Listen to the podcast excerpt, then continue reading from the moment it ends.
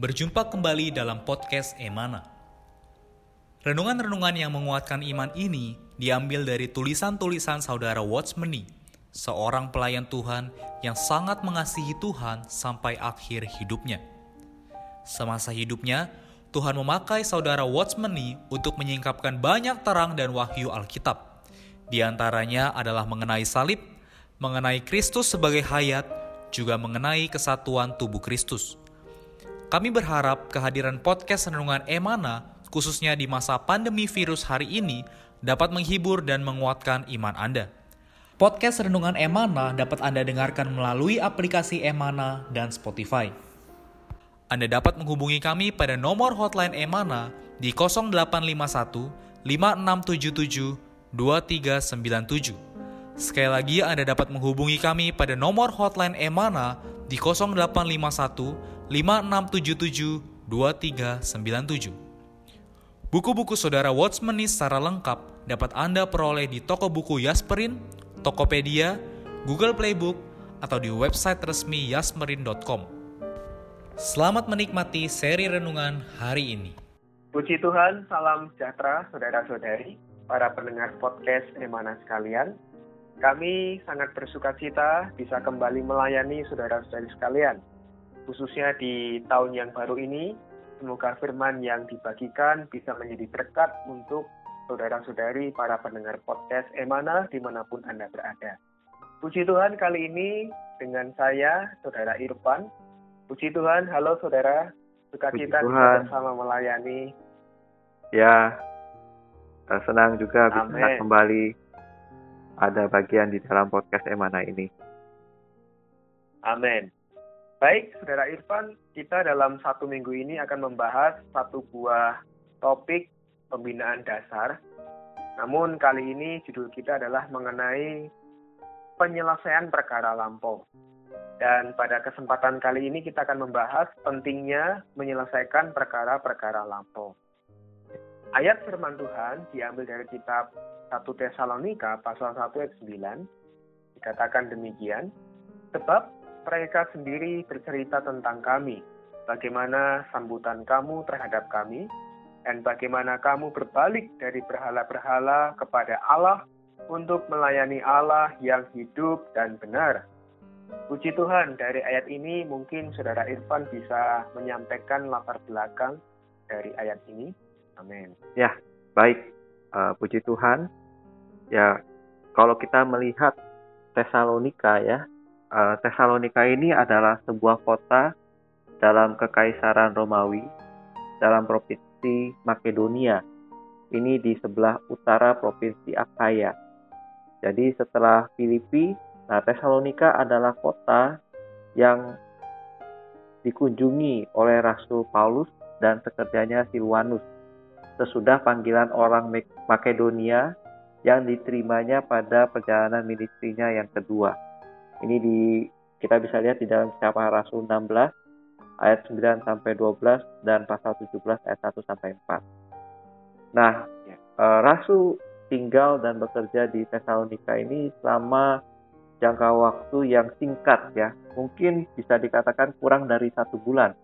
Ya, kita bisa lihat dari kisah Rasul 17 ayat 2. Nah, Paulus menuliskan surat kiriman ini kepada orang-orang di Tesalonika ya. Jadi 1 Tesalonika 1 ayat 9 ini adalah tulisannya Paulus kepada mereka yang di sana dan Paulus mengingatkan orang-orang di Tesalonika bahwa mereka ini adalah orang-orang yang berbalik dari berhala kepada Allah dan mereka karena hal itu mereka bisa melayani Allah.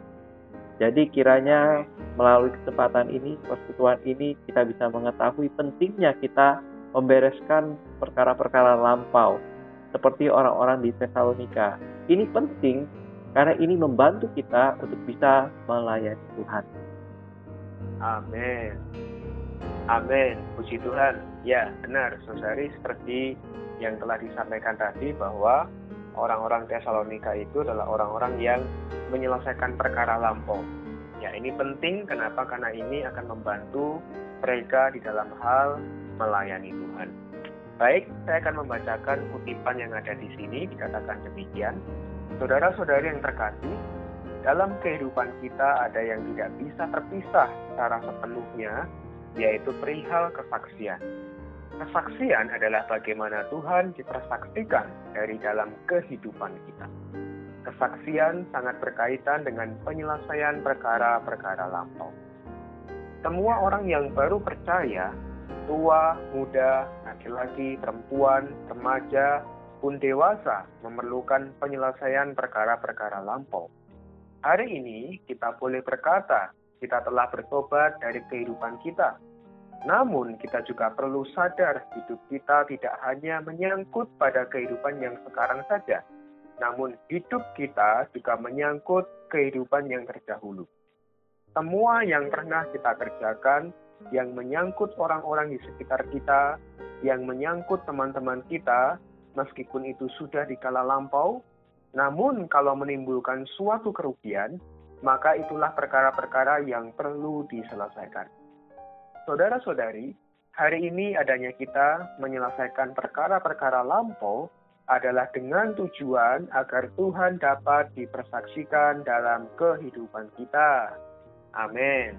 Dari kutipan ini, bagaimana tanggapan saudara Irfan? Ya, tentu kutipan ini adalah sangat benar dan ya ya.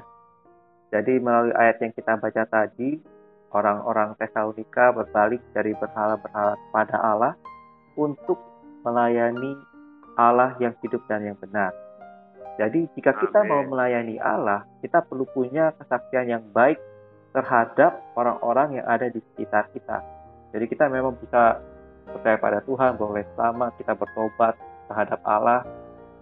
Namun kita tentu sadar ya sebagai makhluk ciptaan Allah, makhluk sosial, kita tidak hanya berhubungan dengan Allah, tapi kita berhubungan dengan manusia, khususnya yang ada di sekitar kita. Sebelum kita percaya kepada ya. Tuhan, sering kali kita penuh dengan perbuatan dosa yang merugikan orang lain.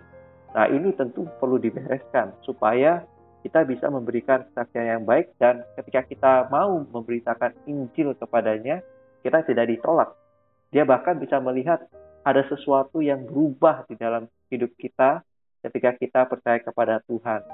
Jadi sebelum kita begitu jahatnya, begitu negatifnya, dan setelah kita penuh dengan hal yang positif, kita mempersaksikan Allah, dan akhirnya Injil disampaikan kepada dia, dia bisa beroleh selamat.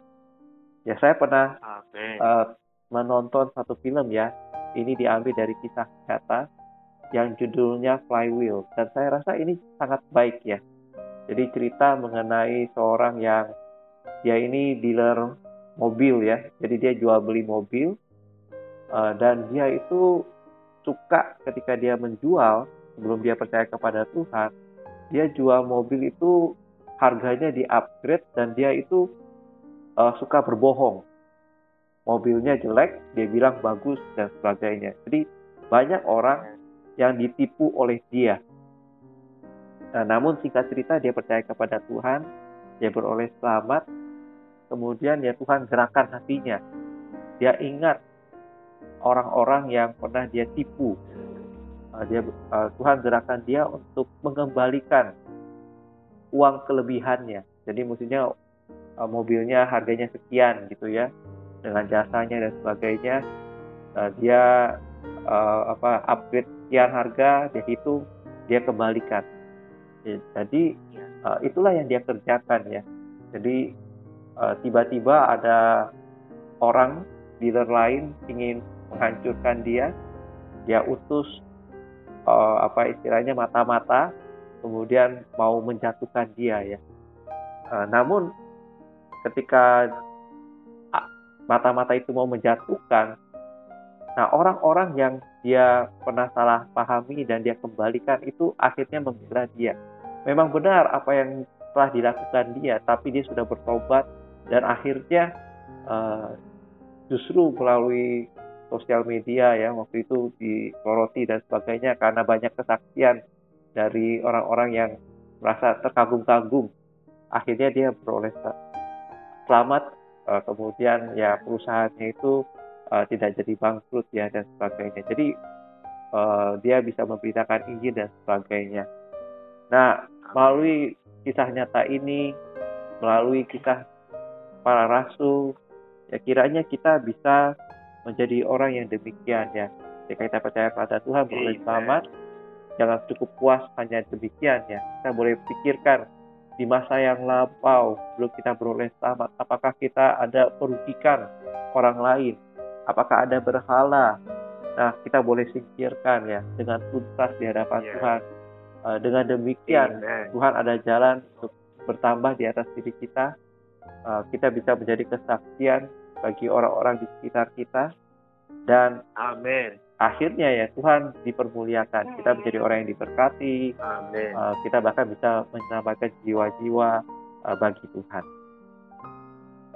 Amin. Ya betul sekali saudari seperti yang saudara Irfan sampaikan tadi bahwa hari ini jika kita mau melayani Allah kita perlu punya kesaksian yang baik terhadap orang-orang yang ada di sekitar kita dan tentu kesaksian ini berjalan seiringan dengan bagaimana kita menyelesaikan perkara-perkara lampau yang dahulu kita perbuat. Ya. Jadi pelajaran dasar atau pelajaran pertama dari orang yang telah beroleh selamat, dia perlu menyelesaikan perkara-perkara yang lampau. Perkara-perkara yang di mana tidak berkenan di hadapan Allah dan di hadapan manusia. Ya, sehingga dia punya kesaksian yang baik dan sehingga dia bisa melayani Allah. Nah, lalu saudari perkara-perkara apa saja yang perlu kita selesaikan di hari-hari yang akan mendatang kita akan melihatnya karena akan ada saudara-saudara kita juga yang akan membahasnya. Maka tetaplah mendengarkan setiap firman yang diberitakan melalui podcast di mana ini. Amin. Baik, sebagai penutup dan kesimpulan podcast kali ini, mungkin saudara Irfan bisa menutup di dalam doa. Ya, Baik, mari kita berdoa.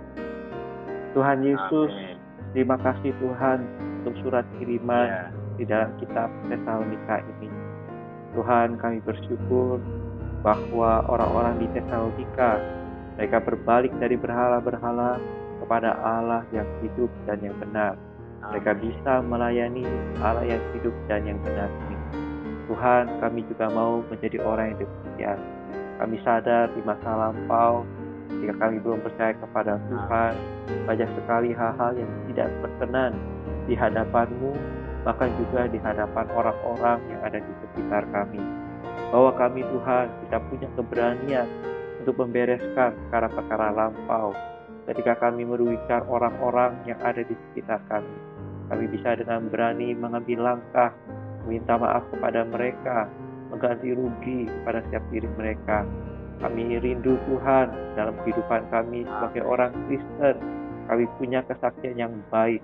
Orang-orang di sekitar kami bisa melihat satu perbedaan sebelum kami percaya kepada Tuhan dan setelah kami percaya kepada Tuhan. Kami mau menjadi saksi-saksi yang hidup. Melalui kami, banyak orang juga bisa beroleh selamat. Injilmu Tuhan bisa disebarluaskan dengan baik. Berkatilah Tuhan Amen. kami semua yang ada di sini. Kami bisa tetap setia mengikuti jalanmu. Hari demi hari mohon kau kuduskan waktu-waktu kami, kehidupan kami. Terus diperkenan di hadapanmu. Dalam namamu Tuhan kami sudah berdoa. Amin. Amin. Baik, terima kasih banyak Saudara Irfan. Tuhan Yesus memberkati. Ya, sama-sama. Tuhan Yesus memberkati. Sekian podcast Renungan Emana hari ini. Kami akan kembali pada seri berikutnya. Anugerah dari Tuhan Yesus Kristus dan kasih Allah dan persekutuan Roh Kudus menyertai kita semua.